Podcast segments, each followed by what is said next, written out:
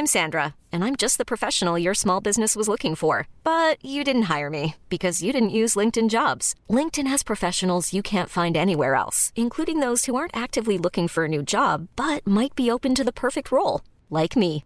In a given month, over 70% of LinkedIn users don't visit other leading job sites. So if you're not looking on LinkedIn, you'll miss out on great candidates like Sandra. Start hiring professionals like a professional. Post your free job on linkedin.com/achieve slash achieve today. Hold up. What was that? Boring. No flavor. That was as bad as those leftovers you ate all week. Kiki Palmer here, and it's time to say hello to something fresh and guilt-free. Hello Fresh. Jazz up dinner with pecan-crusted chicken or garlic butter shrimp scampi. Now that's music to my mouth. Hello Fresh. Let's get this dinner party started. Discover all the delicious possibilities at hellofresh.com.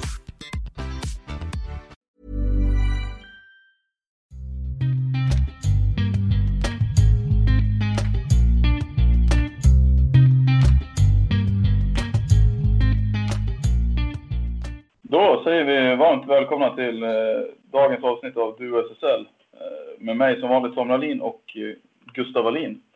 Med oss idag har vi en eh, gäst också. Och det är inte vilken gäst som helst utan det är en Stockholmskille som kan det mesta om innebandy. Vem är det vi har med oss, Gura? Det är gamla bekant Samuel Sundman som kommer vara med oss idag. Välkommen Sundman. Tackar, tackar. Tackar, tackar. Väldigt roligt att få vara med och gästa den här podden. Det, jag har velat ha med dig ett tag så att, eh, det är skönt att, du, att vi fick till det nu. Ja, ja, väldigt roligt. Hur är läget med dig? Det är bara bra. Jag lider precis som alla andra här i Sverige eh, och världen. Eh, ungefär lika mycket. Jag har inte fått eh, något virus men eh, jag är hemma i min eh, tråkighet istället. Och eh, mycket mer än så händer inte i, i mitt liv för tillfället. Det låter oerhört mörkt faktiskt. Ja, det är, det är, lite, det är lite mörkt. Vad gör man i Stockholm när det inte spelas eh, innebandy så? Eh, personligen så eh, försöker jag hålla igång och träna en massa och eh, jag är för tillfället eh, är jag kontraktslös så jag har inget lag att träna med.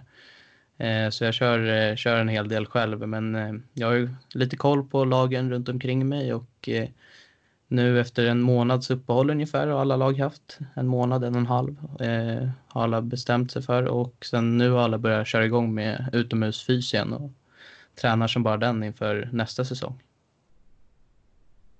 Så att jag skulle gissa på att det ser ganska likt ut som i resten av Sverige.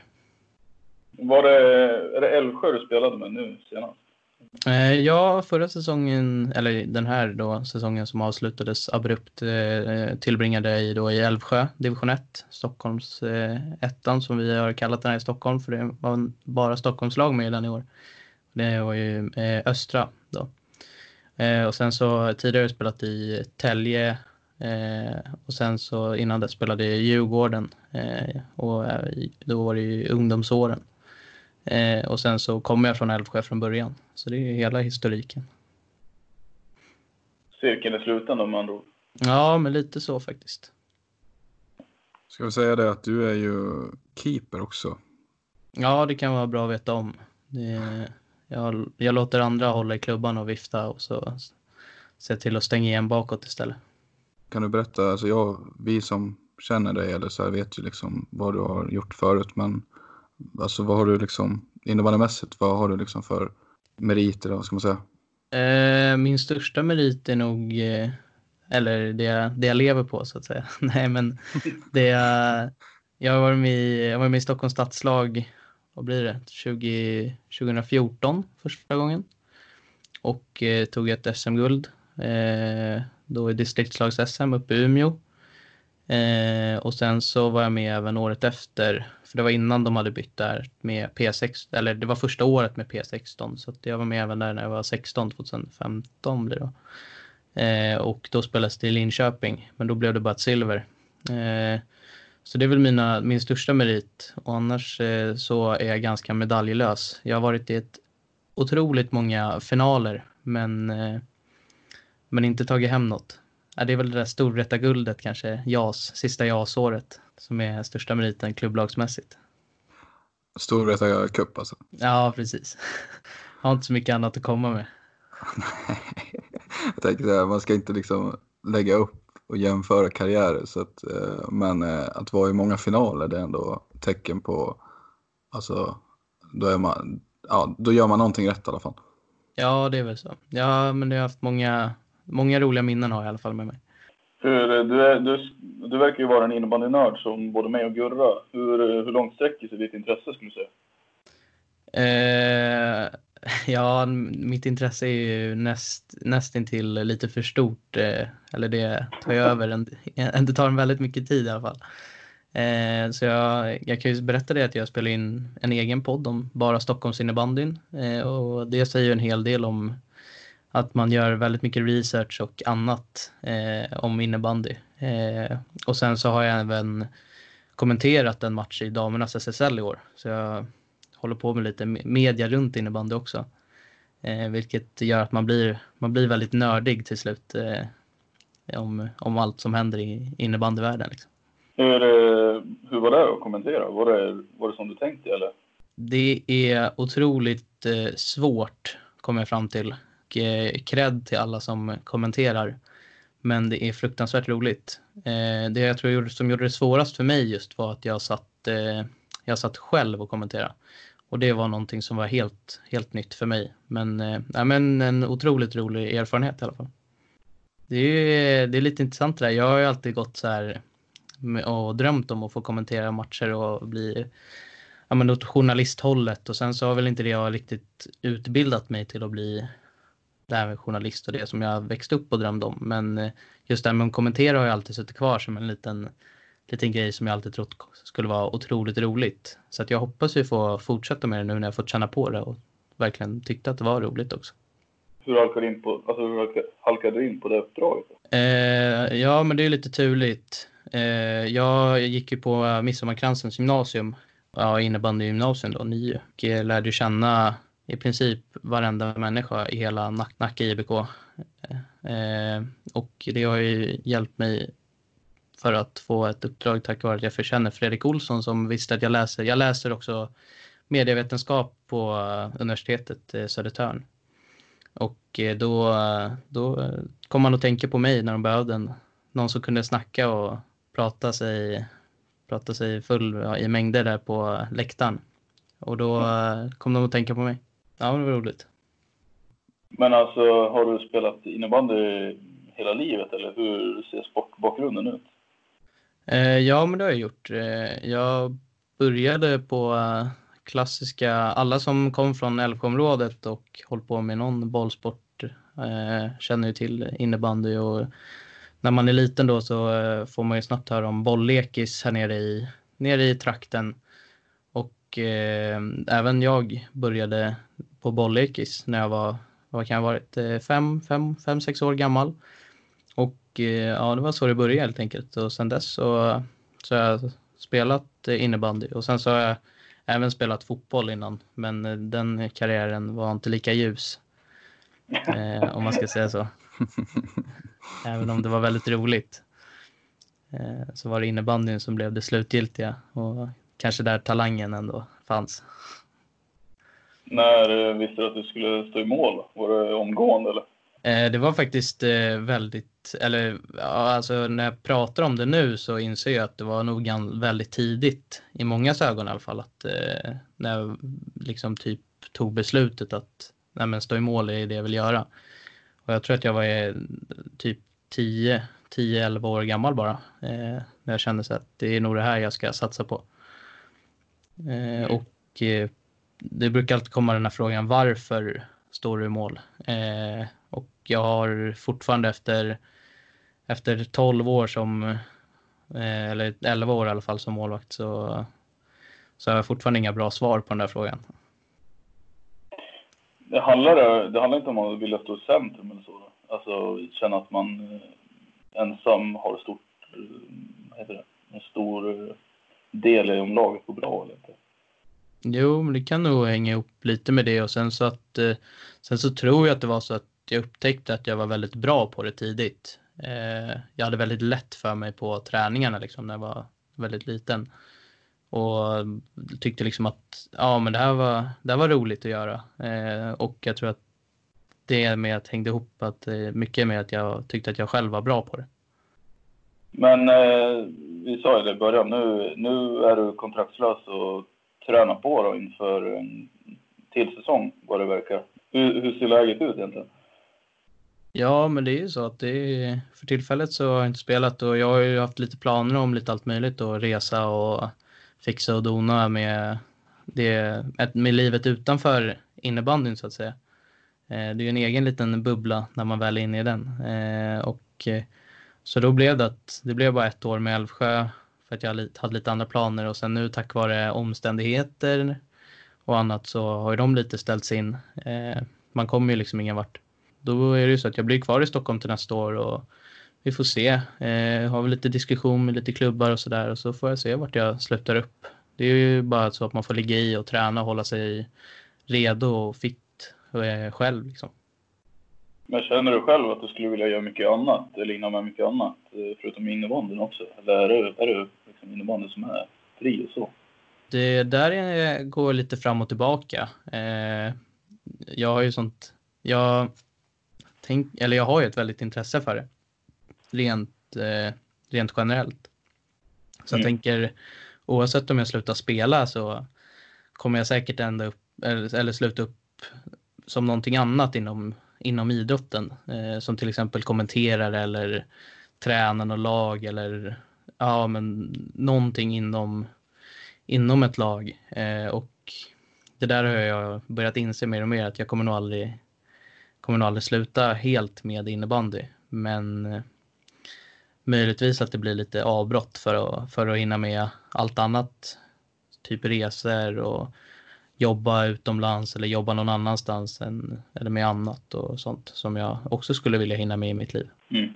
Jag tycker det är kul att träffa någon som är ganska, alltså brinner för innebandy också. För det, är, alltså det är klart det finns ganska många som gör det, men det är inte alltid man får chansen att liksom, sitta ner och snacka med, snacka med folk. Så, du är, du är ju Stockholmsbaserad. Eh, jag skulle gärna vilja snacka lite Stockholm, Stockholms innebandy och också passa på medan man har det här. Kör på. Om jag säger AIK, vad säger du då? Intressant eh, inför, eh, inför nästa år. När jag pratar om AIKs eh, förra säsong och AIK sen de åkte ner egentligen så har ju alltid det som varit närmast varit ett profillöst lag. De saknar, de har alltid saknat den här showman-gubben som kliver fram och gör, gör sina 40-50 poäng på en säsong eller bara helt står ut i media eller gör någonting galet. Det är liksom, de har väldigt mycket spelare. Men eh, jag brukar säga att alla är en Andersson för att alla heter typ det i laget också så att alla liksom bara smälter ihop till att bli samma person helt det är lite, jag tycker det är kul nu att de dels så har de skrivit på ett nytt kontrakt med Junohoc som, eh, som de är tillbaks med. Och sen så har de ju eh, värvat in eh, lite nya spelare som kan eh, ge dem lite skjuts och värva tillbaks gamla spelare också som har spelat SSL med dem. Så att de kan nog få en ganska rolig säsong framför sig.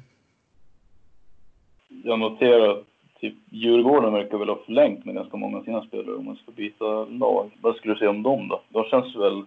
Alltså det känns ju som att de har kört fast ganska mycket sen de skulle göra... Det kändes som att de skulle göra en satsning, sen har de typ bara traskat på liksom. Eh, ja. Ja, men det är lite så och eh, både AIK och Djurgården ska ju också sägas att, eller generellt i Stockholm så är det inga, det är en helt annan det är en helt annan ekonomi och en helt annan, vad ska man säga, klubbarna är helt byggda på helt olika sätt i Stockholm jämfört med dem ute i landet och, eller i stor, alltså stora lag här har svårare att överleva på något sätt. Det är inte lika stor publik, det är inte lika stort intresse, man får inte lika stor plats i media och sådana här grejer.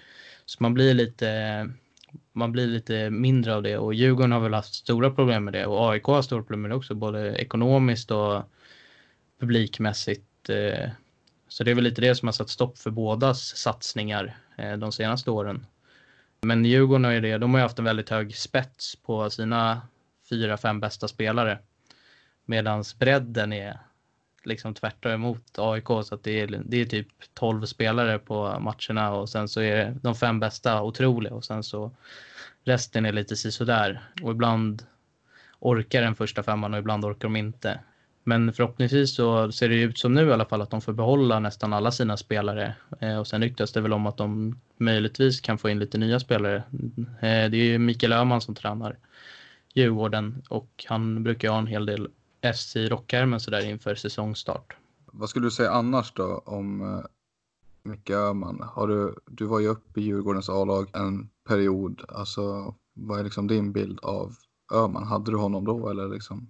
Ja, jag fick äran och jag ska inte säga det att det är att få ha de här gamla coacherna som är ganska etablerade i idrotten eh, som har lyckats med saker. Eh, och eh, det är väl en, det är en ganska speciell person. Eh, men jag tycker personligen tycker jag väldigt mycket om Öhman. Eh, det var han som gav mig chansen i ett herrlag första gången så att eh, jag har liksom den respekten för honom att han flyttade upp mig som ung och gav mig förtroende att få vara med i ett herrlag för första gången på hög nivå. Det är ju det jag tar med mig framförallt från honom och sen så har han, jag tycker han har ett väldigt bra, väldigt bra hand om unga, unga spelare. Och det, det är någonting som han, som han är duktig på. Mm, intressant. Han är ju lite känd för raseriutbrott och sånt där, men senaste säsongen så verkar han ha lugnat ner sig en hel del och blivit, blivit lite annorlunda i båset.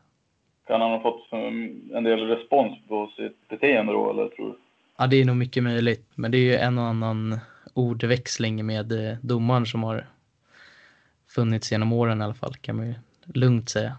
Gillar ju sånt ändå lite grann, eh, så länge det inte går, går över gränsen. Även om den är svårdefinierad i vissa lägen. Ja, verkligen.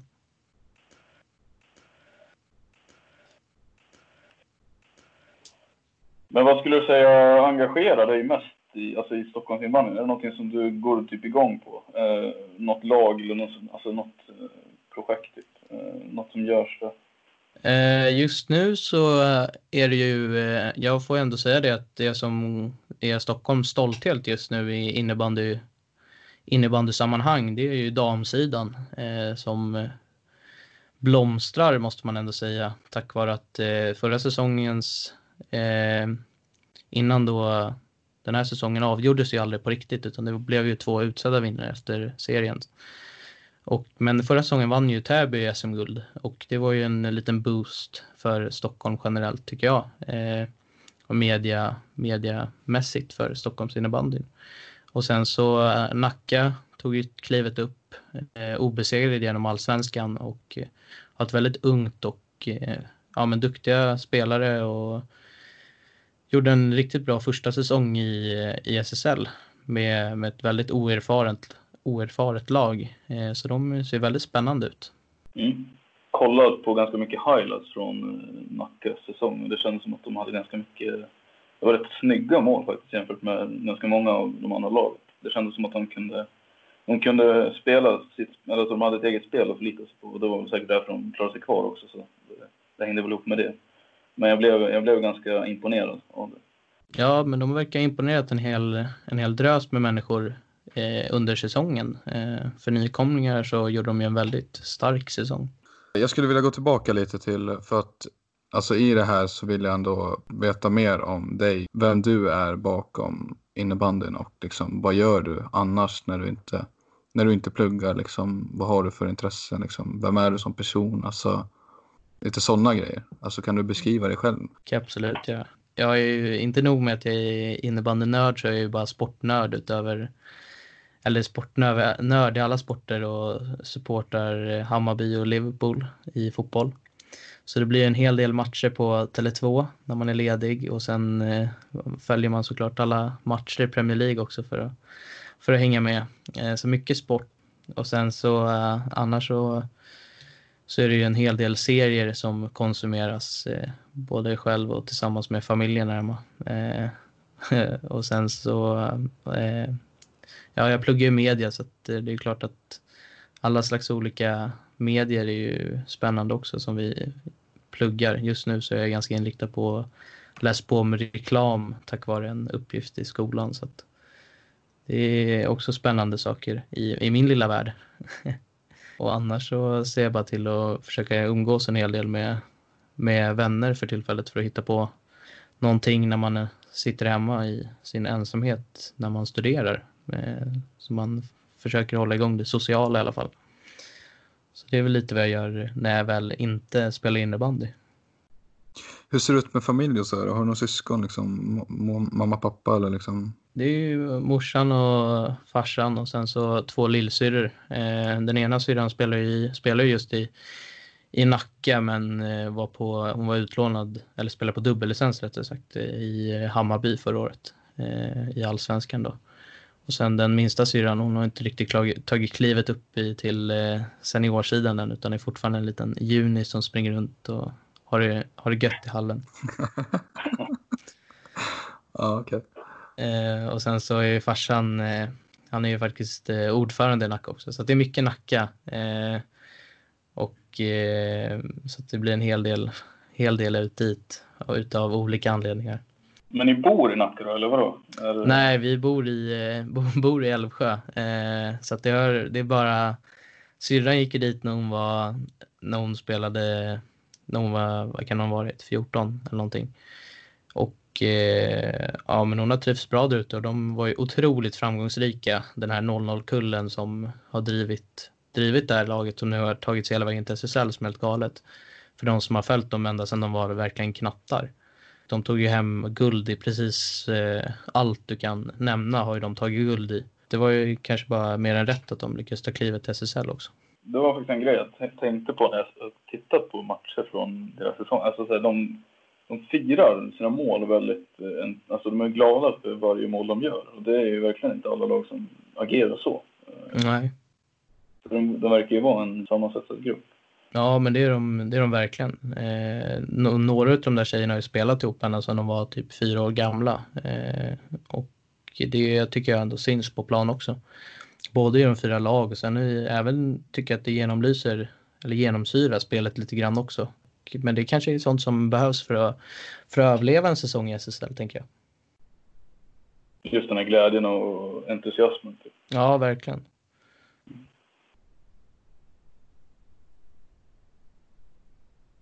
Du sa ju för en stund sedan att eh, du hejar på Bayern i fotboll, om jag förstod det rätt. Eh, ja. Och Nacka ligger dig varmt om hjärtat av flera anledningar. Ehm, varför har det aldrig varit aktuellt med spel i någon av de klubbarna? Nacka har ju sitt herrlag i division 2 för tillfället, för de som inte vet det. Och eh, Hammarby, de gick precis upp från division 2 till, eh, till division 1. Och eh, det är väl egentligen, det är väl egentligen kanske därför jag inte riktigt har slutat upp i Nacka och Hammarby. Det är för att de har spelat i division 2 och jag har känt att jag har försökt satsa högre upp i seriesystemet. Men eh, absolut, nu när, nu när säsongen är över och jag inte har något kontrakt så är faktiskt båda klubbarna, båda klubbarna sådana som jag liksom tar in när jag ska försöka hitta något, någon ny klubb att spela i till nästa år. Spännande. Ja, det är lite spännande. Alltså för de som du sa, du nämnde det förut, men för de som inte har lyssnat på din podd som du har så tycker jag definitivt man ska göra det. Alltså, det är ja, skitbra. Det, alla, är, alla är välkomna att lyssna på, om man framförallt vill höra mer om bara Stockholms innebandy. Då får ni en otrolig genomgång och lyssna, lyssna på oss. Berätta om det då, det projektet som du har, den podden. Vilka och varför, vilka är ni som håller på med det? Eh, det är jag och min, eh, mina två vänner. Eh, Aladdin Hindawi heter den ena och Daniel Wiberg heter den andra. Eh, och båda, eller alla vi tre har ju känt varandra sedan vi var, eh, vad kan vi ha varit, sex, ja men vi började nog på bolleket samtidigt. Och sen så eh, kände vi att vi är lite innebandynördiga och vi ville starta en, starta, eller göra någonting tillsammans som innebandy. Och så kände vi ja men vi, vi gör en podd om innebandy. Eh, och sen så var jag så här, ja men det finns ändå en hel del poddar som diskuterar SSL och, och, och så vidare. Eh, och då kom vi på det att nej men vi gör om Stockholm. Eh, om bara Stockholms innebandy. Eh, och eh, hittills har det gått bra och vi tycker det är väldigt roligt att göra. Så det har liksom funkat, funkat väldigt bra för oss att bara fokusera på just Stockholm. Det finns ju en hel del att diskutera, diskutera om bara en stad, kom, kom, har vi kommit på. Jag tänkte fråga om det. Vad, vad, men, alltså, vad menar man när man pratar om Stockholms innebandy? Strängnäs och Södertälje också? Eller? Nej, utan vi försöker ganska geografiskt så är vi nog ganska tajta ändå. Eh, vi försöker hålla oss inom loppet av eh, vart, vart liksom vart alla andra drar den där Stockholmsgränsen. Så från Södertälje och neråt så har vi liksom inga lag som vi nästan diskuterar och vad blir det från Åkersberga uppåt ungefär så diskuterar vi inte så mycket. Eh, men det är klart att vi berör andra lag för att det är svårt när, svårt när de spelar i samma serie som Umeå så är det svårt att inte berätta om lagen där uppe. Eh, men vi försöker fokusera på framförallt på lagen i, i Stockholm och så går vi igenom herrallsvenskan eftersom det finns inga SSL-lag på herrsidan från Stockholm. Så det är en serie som vi nästan inte alls diskuterar. Eh, och sen så är det ju damernas SSL och, och så ibland hela vägen ner till division 5 som är den lägsta serien diskuteras. Ja, det är också en grej att det så finns underlag för ganska mycket mer serier än vad jag upplever att det gör eh, på landsbygden. Typ Dalarna, där Gustav befinner sig. Även här uppe där jag, alltså i Umeå, har vi bara ner till tvåan. Sen blir det ju plojserie liksom. Ja, ja, men det är det som är väldigt intressant. Så det är, jag skulle säga att det är större bredd på eh, serie, vad, vad, vi talar om för serier och lag eh, än vad det är liksom geografiskt. Eh, för att det finns otroligt många många Stockholmslag som fyller ut hela fem divisioner plus allsvenskan och SSL då. Eh, så det är nästan sju divisioner som vi försöker klämma samman och diskutera så mycket vi, mycket vi kan. Det kan inte vara helt lätt, låter det som. Nej, det är, det är inte lätt alla gånger. Så får man klippa bort vissa grejer när det blir för långt och utdraget. Och, men vi försöker hålla det till det intressantaste som vi kan hitta i alla fall det är väldigt personliga, intressanta grejer. Men, eh, men jag, vi försöker i alla fall göra, göra, hitta de mest intressanta sakerna från alla serier och diskutera. Men vad tror du om eh, Nacka och Täby? Kommer Nacka I'm Sandra, and I'm just the professional your small business was looking for. But you didn't hire me because you didn't use LinkedIn jobs. LinkedIn has professionals you can't find anywhere else, including those who aren't actively looking for a new job but might be open to the perfect role, like me. In a given month, over 70% of LinkedIn users don't visit other leading job sites. So if you're not looking on LinkedIn, you'll miss out on great candidates like Sandra. Start hiring professionals like a professional. Post your free job on linkedin.com slash achieve today. Ever catch yourself eating the same flavorless dinner 3 days in a row, dreaming of something better? Well, HelloFresh is your guilt-free dream come true, baby. It's me, Kiki Palmer. Let's wake up those taste buds with hot, juicy pecan-crusted chicken or garlic butter shrimp scampi. Mm. Hello Fresh. Stop dreaming of all the delicious possibilities and dig in at HelloFresh.com. Let's get this dinner party started.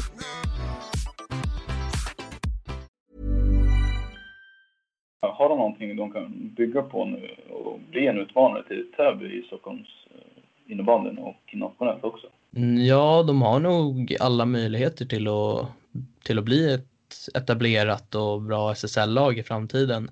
Det största problemet i mina ögon, som de, eller det största, absolut största problemet eh, för dem är just det här med eh, att deras hemmaarena, eh, eller så här, arenafrågan. För att de spelar i Ormingehallen och jag tror att det får vara typ 350 personer max i hallen samtidigt. Och eh, inför den här säsongen så höjde de det där brandskyddet till 500 eller någonting i hallen samtidigt för att slippa bygga en ny hall. Och eh, sen har man ju spelat i den där hallen med dispens och eh, det är nog inte en lösning som håller livet ut i mina ögon. Men det där tycker jag väl, alltså, okej okay, jag ska säga det först, alltså arenafrågan är väl en, är det en snackis i hela Stockholms innebandyn? Där, där har i alla fall jag fått bilden av att det är ett problem för många föreningar. Är det så? Absolut. Eh, vi, Stockholm tror jag är de som har, vi har nog de som har minst, eller vad heter det, eh, inte minst kanske, men eh, per person eh, hallar och fotbollsplaner och hockeyrinkar och grejer. Och det skapar ju problem för alla klubbar och speciellt de klubbarna som ligger väldigt högt upp i seriesystemet eh, skapar det problem för på olika sätt och håll och kanter som, eh, som man får ver verkligen jobbar runt om. Och det, kommer man från Stockholm så ser man också när man åker ut i landet att eh, det finns ju ändå en liten lyx där att man har sin egen anläggning och, och det spelar egentligen ingen roll vilken sport det är utan det är ju ganska likt i alla sporter att det finns lite mindre förutsättningar till sådana här stora träningsanläggningar i, i den här stan. Mm. Men äh, finns det inga andra heta alternativ då som man skulle kunna, alltså någon hall lite längre bort man skulle kunna börja köra i? Eller varför fortsätter man då i Ormingehallen? Det är ju det här som blir så knepigt. Eh, nu gjorde man ju så att eh, det finns ju, jag tror att det finns en hall i hela Stockholm som är liksom fullt godkänd för eh, tv-sändningar och om man nu ska tänka bort från alla dispenser och allting så är det nog bara en enda hall i Stockholm som är liksom helt godkänd plus då AIKs hall, Solnahallen, men den ligger inte i Stockholm utan ligger i Solna. Eh, men det är väl de två hallarna egentligen i, om man tar Stockholm som storstadsområde som är liksom helt fullt godkända. Och sen har du en norrort där eh, Täbys nya hemmahall, Häggenholmshallen, som är väldigt fin. Men det är också då att det är läktare på en sida eh, och sen har du Tyresö som också har legat i SSL tidigare, både med herrarna och damerna, som är fullstor med läktare på ena sidan. Och sen så tar det väldigt stopp, utan då får man leta sig ner till, till Södertälje nästan för att hitta nästa fullstora med läktare på ena sidan och fullt utbyggd och fin. Så att det är svårt att ta träningstider eller matchtider från en annan förening när det finns otroligt många föreningar. Men Nacka lyckades ju få sin tv-match i Tyresöhallen då, i år i alla fall. Ja, just det. Det närmast belägna. Ja, precis. Alla. Så att det förs ju diskussioner också hela tiden hur man ska kunna lösa de här problemen och om Sjöstadshallen där Hammarby spelar alla sina hemmamatcher eh, som är något större då men eh, också är en halvdan läktare då om man ska se på ett stort perspektiv. Om man skulle kunna spela där, men då är det också så här, då är olika kommuner och det är en eh, fråga om kostnader och eh, hela den biten också. Utan det är liksom inte det enklaste när allting ligger i olika kommuner helt plötsligt. Nej, det är klart, det, det måste ju påverka. Vi pratade om Djurgården AIK tidigare. Eh, det finns väl fler om man ser bortom dem, alltså i Storstockholm och eh, lite utanför då, Södertälje och så. Men eh, Eh, om vi tittar på de lagen, vad, vad, tänker du om, alltså kommer någon av dem kliva upp SSL snart tror du eller? De som har varit närmast, det är ju, eh, jag tror egentligen då att Tullinge är de som är då närmast att ta klivet upp. Eh, nu tappade man ju sin, en av sina bästa spelare ner till eh, Helsingborg, men jag tror inte det kommer skapa jättemycket problem Eh, för, för Tullinge. Eh, de har ganska bred trupp och de har gjort en jättebra säsong. Och det är en väldigt stabil förening. Eh, liksom, de har mycket ungdomslag, en bra hall. Den är inte lika stor och fin som Tyresöhallen och Hägerneholms, men snudd på. Det är läktare på ena sidan och hela det eh, faderullan. Så den, är, den skulle nog kunna spelas SSL i också. Även om det inte är helt perfekt, men det funkar. Det är mycket finare än Ormingehallen i alla fall. Ja, vad jag har förstått så är de ganska, alltså de tränar väldigt hårt. Ja, det är ett otroligt, eh, ett otroligt hårt tränande lag. Eh, så att de blir väldigt fysiska på plan och jag tycker man ser det i deras spel att de är framförallt deras första säsonger, första säsong i allsvenskan tyckte jag man, det lös igenom otroligt i spelet att de var otroligt bra tränade och körde, det var väldigt rakt spel. Eh, och jag tror man har lagt om det nu lite inför, inför den här säsongen som var. Eh, och det verkade slå, ge helt rätt utslag för man, jag tror man slutade som tvåa i serien. Ja, det stämmer. Man var, man var efter Torén direkt efter det. Mm, så att, eh, det, var nog det, lag, det är nog det laget som är i närmast rent föreningsmässigt och ekonomiskt och spelarmässigt det laget som är närmast att nå SSL. Vilket jag också tycker är lite synd eftersom jag är ju alltid för att våra tre storlag ska ligga högst upp i seriesystemet. AIK, eh, Djurgården, eller vad tänker du? Hammarby. Ja, AIK, Djurgården och Hammarby är de lagen som är liksom...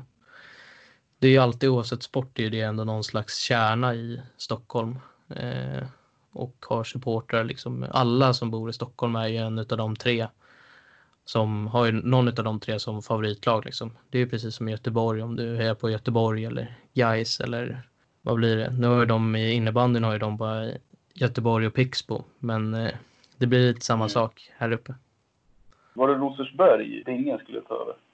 Ja, han, är ju, han har ju, undrar om han bor ute i norrort någonstans, men har ju på senaste två åren har ju haft eh, Värmdös herrar eh, som har varit otroligt framgångsrika i division 1 eh, och kommit högt upp i den serien de senaste två, tre, fyra åren. Eh, men i år så var det ju Täby som drog det längsta strået och gick upp men det är kul för Binge att han eh, får hålla sig på norrortssidan till nästa år. Eh, se vad han kan göra med Rosersberg. Det lär nog bli ett intressant projekt med Linus Jämtdal i spetsen. Ja, det snackar man med spets på division 1-nivå Mm, det är en otrolig spets. Det är en stjärna utav rang i mina ögon fortfarande tycker han visade det att han kunde spela i storrätt och göra det bra när han fick spela där. Han var i Växjö också och gjorde det väldigt bra där stundtals. Ja, så att, eh, ja, men det, är en, det är en otrolig spelare att ha. Det är som Älvsjö, de har ju Victor Ferraresi som också har varit högt upp och spelat. Och eh, det finns ju, en, det är det som är lite roligare med division 1 och division 1 Stockholm, det är ju att det finns ju en hel del gamla go, goda gubbar som fortfarande kan eh, lira innebandy på hög, hög nivå men har valt att trappa ner lite och satsa på familj och karriär och lite annat. Eh, men det är ju fruktansvärt roligt att se dem spela i division 1 i alla fall. Men du, vad hände med Patrik Andersson då? Om du vet vem han som han spelar, spelar han i Huddinge? Ja. Han har ju varit i Tyresö också. Det var ju flera år sedan han la av nu. Det ja, det är nog en, fem, sex år sedan som han, eller om det är ännu längre sedan, som han la klubban det är en kille jag, Det är i alla fall en kille jag tänker på när det gäller profiler. Nej, men det är ju verkligen en profil som vi har haft från Stockholm. Det är det, det, är det som är lite tråkiga. Just nu så det är verkligen så att spelarna flyr ju Stockholm. Eh, så fort man får ett namn och eh, gör det bra så är det ju, så är det ju liksom första, första kontraktsförslag så är man ju härifrån. Eh, framförallt på herrsidan, men det händer nog även en hel del på damsidan också. Eh, det är studier och annat som eh, tar den härifrån och framförallt eh, så får man ju mycket bättre förutsättningar och bättre kontrakt eh, om man flyttar härifrån som innebandyspelare i alla fall. Men är det som stor skillnad på alltså, den ekonomiska ersättningen då? Eller är det, eller är det ja. mer helhetsbiten som avgör? Alltså, jag skulle säga att det är en otrolig skillnad på båda bitarna. Eh, framförallt, framförallt på här sidan. Eh, om vi tänker Djurgården och AIK så har ju, jag tror inte någon spelare i varken Djurgården och AIK ersättning för när de spelar. Eh, och, och Djurgården de höll på och eh, gå i konken här för två år sedan. Och eh, AIK, jag vet fortfarande inte hur de har lyckats få igen den skulden som de har haft. Fram förra säsongen så låg de ungefär en miljon back. Eh, så att, och sen så inga förutsättningar på det. Så, eller förutsättningar är ju liksom du får dina tre, förhoppningsvis tre träningar i, i hall. Eh, och sen så är det inte så mycket mer än det som man får tillgång till. Eh, och det är ju såklart att flyttar man ut i landet så får man ju både en lön och du får hall att träna i, du får ett gym nära, du får kanske så här boende, bil. Det är sådana grejer hela tiden som är, som är lite lättare ute, på, ute i landet. Även i Göteborg har jag lyckats med bättre när det gäller deras storlag. Vad beror det på då tror du? Eh, jag tror att det är lite olika anledningar som ligger bakom det. Eh, både att föreningen, från föreningarnas sida att det är ganska dåligt skötta föreningar genom, genom åren. För Stockholm, om man går tillbaka till tidigt 2000-tal så tror jag att det låg en sex, sex stycken något år eh, lag från Stockholm i SSL, eller då elitserien kallat. Eh, och sen så har ju alla nästan lagen som fanns då har ju nästan försvunnit helt. De har liksom bara försvunnit från jordens yta. Eh, och sen så har man startat nytt och försökt igen. Och, och sen är det ju såklart att AIK har lyckats leva kvar men då är väl ledningen och lönerna som man betalade ut under, under sent 2000-tal och tidigt 10-tal har ju liksom kommit i kappen lite och man har fått känna på verkligheten nu, framförallt de senaste fem säsongerna. Och eh, Djurgården är ju samma sak. Det var ju Caprio Täby från början som var otroligt framgångsrik på, på, på 2000-talet men också kanske inte riktigt skötte det där med ekonomin helt korrekt och får känna på nu de senaste 5-6 åren. Även de. Det är tuff verklighet. Eh, det är många lag som har fallit. Eh, Varberg har ju också gjort ett lag på vischan, mm. tidigare stormakt som har lite samma resa känns som att man får sanera sin självbild typ. Ja, men lite så. Man, man har nog lite för man får nog lite för stora tankar om, om sig själv och sin egen kapacitet eh, när det gäller, gäller sin egen ekonomi. Eh, och det kommer ju lätt att bita den eh, senare. Nu, nu räknar jag i herrarnas allsvenska, men är det, vad blir det nu? Fem, fem eller sex Stockholmslag i allsvenskan nästa säsong? Herrarna? Ja, och det är ju lite roligt. Ja, om Täby går upp då. Eh, mm. Ja, det förstår jag. Att det, alltså, men jag tänker, dels för en e alltså ens egen del som support rent generellt innebandy och så här, men behöver inte Stockholms innebandy 40 lag SSL? Eller alltså, kommer, hur kommer det gå att ha så många lag i Allsvenskan? Ja, och det, det, är det här som är, blir det lite problematiska i mina ögon. Eh, och det är därför också jag är lite, alltså de absoluta toppskiktet utav Stockholmsspelare som är fostrade och kommer från Stockholm. De spelar ju inte i Stockholm. Eh, utan de flyttar ju liksom så fort de får chansen. Och det är, det är liksom en... Skulle man lägga upp det så är det nog en två SSL-trupper som spelar ute i, i Sverige i olika klubbar som eh, skulle kunna spela i Stockholm och eh, få upp ett lag till SSL.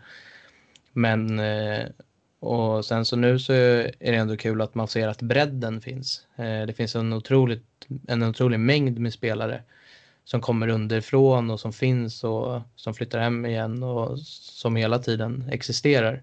Men det är just det här problemet med att man får inte ihop de 20 bästa spelarna i samma lag. Utan de här 20 bästa spelarna blir utspridda då ändå på alla Stockholmslagen. Så alla har sin fixstjärna. Eh, och sen blir det liksom inte mycket mer än att de håller sig kvar eller snubblar på målsnöret och sådana här grejer. Men eh, det är också en ganska personlig syn på det. Eller jag vet inte. Klart att det ligger något i det tror jag tror att det skulle vara aktuellt att eh, dra ihop en spetsförening med sikte på Vättern? Eller det kanske... Eh, ja, men det är absolut. Jag tror att Tullinge är på väg att kunna göra en sån grej.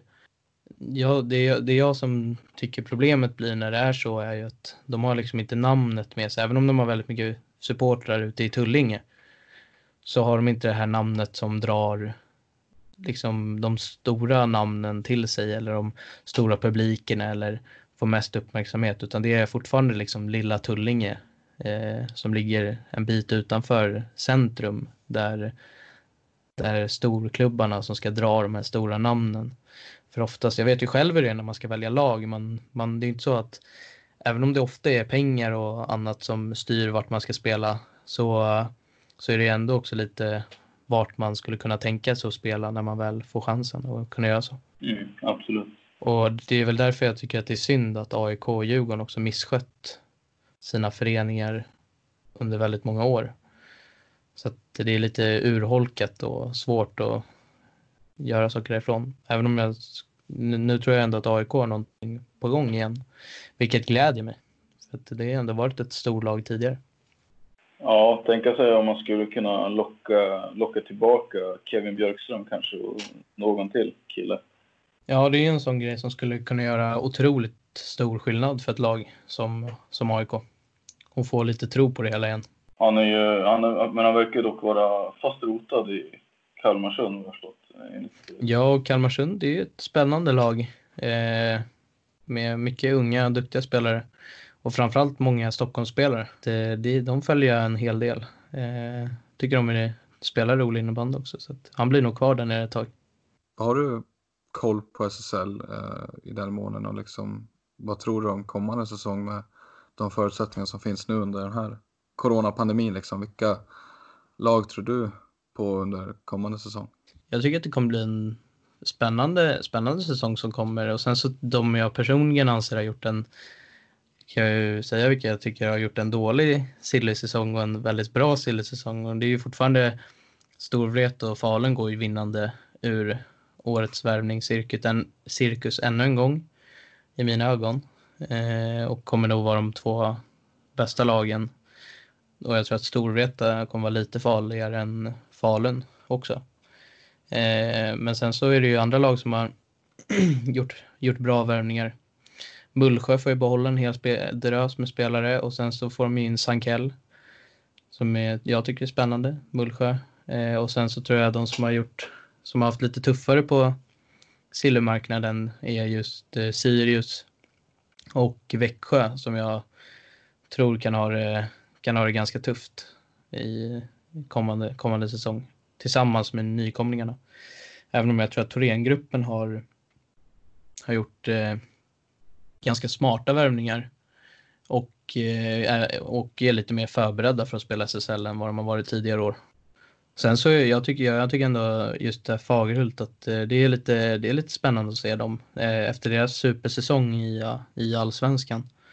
Och man får höra mycket gott om att de har så ungt och bra lag och ganska sammansvetsade och de har bara fått till det. Så det är ju frågan om de kan få till det och vara en uppstickare i SSL också eller om det bara rinner ut i sanden och de får känna på verkligheten ordentligt.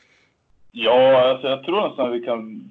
Alltså det är inte omöjligt att vi säger typ en Nackaresa. För att förutom de andra Smålandsgängen och så här, så känner, alltså, vem, vem har koll på Fagerhult? Liksom? Det, alltså, kan man nämna en spelare i det laget? Nej, det är det, som är, det är det som är spännande. Jag har otroligt dålig koll på Fagerhult. Eh, det är liksom helt fel sida Sverige eh, för mig och mina kunskaper. Så att eh, jag är väldigt spänd på att få se dem i, i det största rummet av dem alla. Vad säger du då? Nej, det låter jättekul. Jag håller väl med i det mesta du säger också om typ Storvreta Falun och Växjö och Sirius å andra sidan som har gjort det lite sämre under Ja, Växjö känns ju, Växjö är ett lag som jag alltid tyckte var kul att följa. Och eh, det känns som att de har gjort en tung Silly-säsong, även om de har fått in, de har verkar fått in lite nya unga talanger. Eh, men jag vet, inte om, jag vet inte om det kommer ersätta det som de har tappat i, i, deras, i mina ögon, för tre bästa spelare som har, som har lämnat klubben inför, inför nästa säsong. Och då tänker vi på Magnus jag, Jansson va? Ja, jag tänker på Sankell och eh, tappar namnet på André Andersson som ska ner till Schweiz där och sen Manuel Engel som, som de tappar också. Eh, det är väl de jag har hållit väldigt högt upp. Och sen så, de får ju i och för sig tillbaks Ludvig, eh, Ludvig Persson där, men eh, ja, jag vet inte om det, om det kommer räcka för att göra stordåd. Nej, det känns som ett lag som är inne i någon slags rebuild. Att man mm, ja. satsar, började redan förra året och satsa lite yngre, liksom, lite tonåringar och lite eh, talanger som du sa. Alltså, de har ja, börjat på något nytt känns det som. Känns även som att deras damlag, de har ju försökt ta sig upp nu till SSL ett tag och det känns som att de är lite samma fas de också.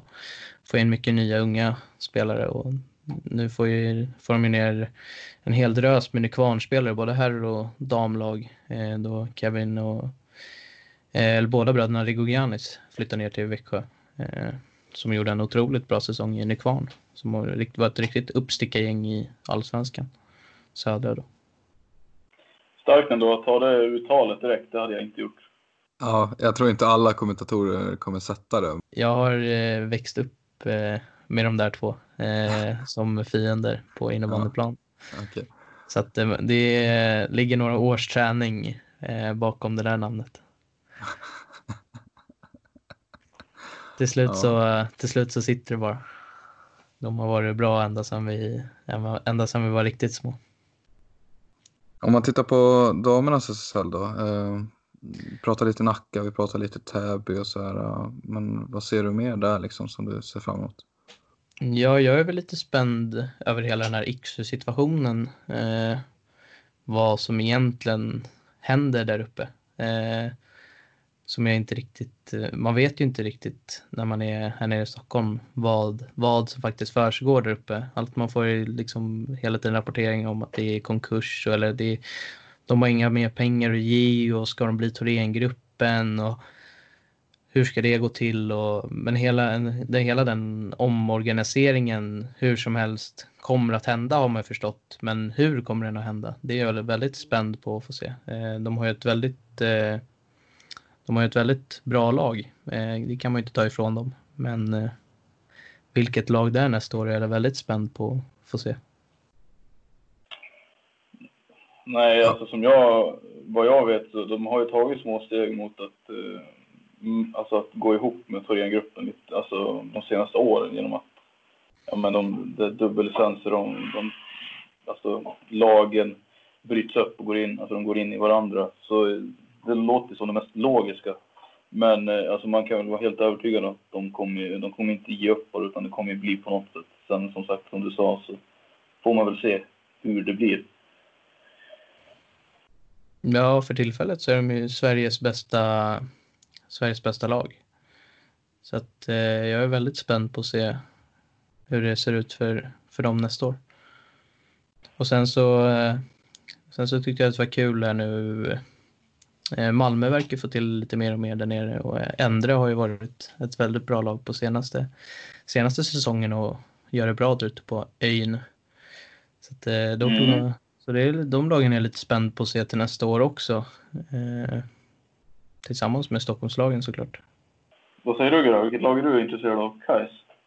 Nej, det är väl inte främst utan det är ett lag som jag har varit svag för och som Sundman eh, nämnde precis. Det är väl eh, Endre som jag tycker har blivit lite av ett eh, hitlag. De är väl precis där på gränsen att gå hela vägen ungefär. De ett stabilt topp 5-lag typ, men det saknas en eller två bitar för att de ska gå hela vägen och eh, väntar väl lite grann på det faktiskt. De har väl alltså, ganska unga spelare generellt, så det kan väl mycket väl vara så att de är något år ifrån egentligen bara utvecklingskurvan från att eh, bli det laget. Eh, ja, det är nog mycket möjligt att det skulle kunna vara så. De, eh, de var väldigt spännande att se. Jag som följer Stockholmslagen då såg ju när, när Täby tog emot dem i kvartsfinal när de tog guld. Vilket var en spänn, väldigt spännande serie eh, förra säsongen. Så att, eh, ja, men det är ett spännande lag att följa helt enkelt. Vi tackar dig Surman för att du har varit med eh, och eh, gästat oss. Det har varit jättekul att ha dig med. Ja, tack Prata så lite. hemskt mycket för att jag fick, eh, fick komma och snacka lite. Det uppskattas. Eh, Samma, jag tänkte Ja. på en grej eh, innan du säger någonting. Men eh, vore det inte kul om Sundman fick önska eller rekommendera någon som vi borde prata med framöver? Ja, definitivt. Eh, det tycker jag är ett koncept vi borde initiera. Eh, så det får han gärna göra. Oj, då blir man, eh, blir man ställd på plats direkt. När man ska komma med namnförslag och grejer. ja, det är väldigt spontant. Nej, men vi har ju en gemensam vän eh, i, i Jenna Taivaloja som har gjort en, en, ja, men en bra första säsong i, i Täby. Skulle vara kul att höra hennes åsikter om, om hur hon själv upplevde sin säsong i Täby som ändå ledde till ett, till ett guld nere i Europa. Så det hade varit väldigt spännande. Faktiskt, eh, väldigt bra namn. Jag håller helt med dig faktiskt. Det är någonting vi borde kolla med henne faktiskt. Ja, men det borde vi kunna lösa tycker jag. Ja, men eh, bra namn, absolut. Eh, vi säger så. Och så en, tackar vi alla våra eventuella lyssnare och så hörs vi när vi hörs igen. Tack ska ni ha. Tack.